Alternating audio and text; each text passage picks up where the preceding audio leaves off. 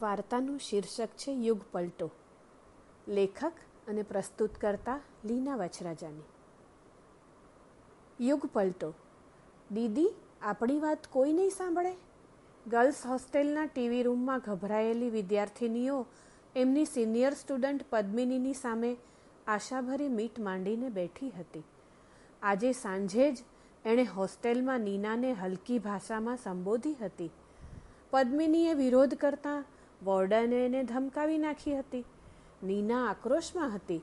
દીદી, જ્યાં આપણી warden madam જ ભ્રષ્ટ છે, ત્યાં કોને ફરિયાદ કરવી? એ મોટા માણસનો દીકરો આમ સરે આમ હોસ્ટેલમાં આવીને લુખ્ખાગીરી કરી જાય, ધમકી આપી જાય?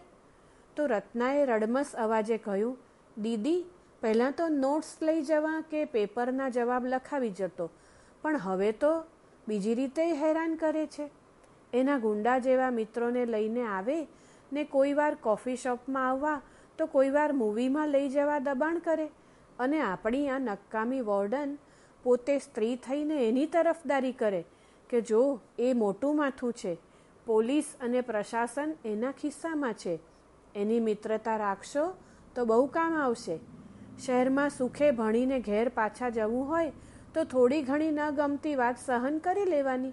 એમાં શું? એ રાતે પદ્મિનીની ડાયરીમાં આજના પાના પર લખાયું હતું. તેરમી સદીમાં વિરાંગનાઓએ દુશ્મનનો સામનો કરવાનો અગ્નિમય રસ્તો બતાવ્યો. હવે એકવીસમી સદીમાં દુશ્મનને માત આપવા માટે એ માર્ગમાં થોડા નવા દાવપેચ ઉમેરવાનો અને નવી રણનીતિ ઘડવાનો સમય આવી ગયો છે. હવે તો જૌહર કરીને નહીં, કરાવીને વિરાંગના થવું કબૂલ છે. આજ અમન પોતાની જો હુકમીનું પાલન થયાના તોરમાં હતો. બોસ, શહેરમાં તારી સલ્તનત સ્થપાતી જાય છે, હં. આજ ગર્લ્સ હોસ્ટેલમાંથી સામેથી સાથે પિક્ચર જોવા જવાનું આમંત્રણ આવ્યું છે. પદ્માવતનો આખો શો બુક થયો હતો. અમન અલ્લાઉદ્દીનની જેમ ઘમંડમાં મુસ્તાક સ્ક્રીન બેમાં દાખલ થયો. અને થિયેટરના દરવાજા ચિત્તોડગઢના તોતિંગ દરવાજાની જેમ જડબે સલાક બંધ થયા.